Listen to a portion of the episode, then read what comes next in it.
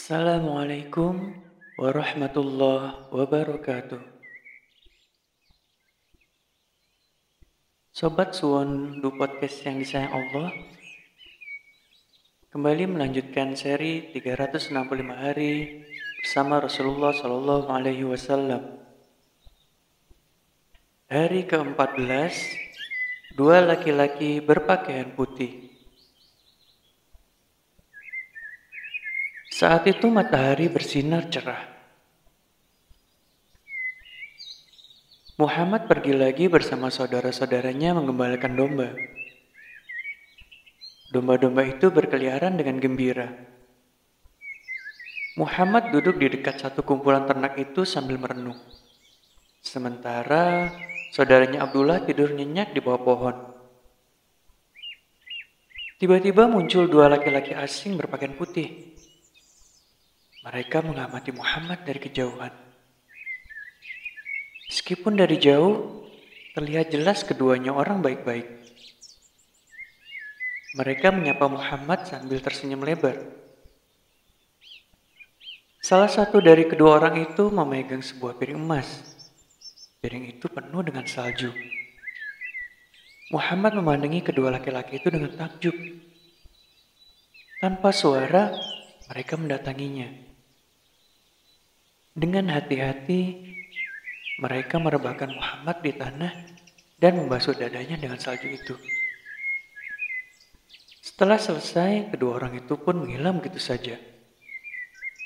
Muhammad tidak merasa takut ataupun panik, walaupun didatangi oleh kedua orang asing. Saat itu Abdullah sudah terbangun dari tidurnya. Ia melihat semuanya yang terjadi. Ia lalu berlari pulang dan memberitahu ibunya. Ibu, ibu, dua laki-laki merebahkan saudara Mekahku ke tanah. Mereka melakukan sesuatu padanya. Ibu susunya sangat khawatir. Ia pun berlari menuju Muhammad. Namun tidak terlihat ada orang di sekitar sana. Wajah anak kesayangannya itu pucat. Alimah bertanya, Anakku, apa yang terjadi denganmu? Muhammad lalu menceritakan apa yang terjadi. Saat itu Muhammad berumur sekitar empat tahun dan merupakan salah satu anak yang paling tampan. Sesudah kejadian itu, Ibu Halimah menjadi lebih khawatir daripada sebelumnya karena ia tahu Muhammad anak yang istimewa. Ia kemudian membicarakan masalah itu dengan suaminya mereka memutuskan untuk mengembalikan Muhammad kepada ibunya karena takut sesuatu yang mengerikan terjadi kepadanya.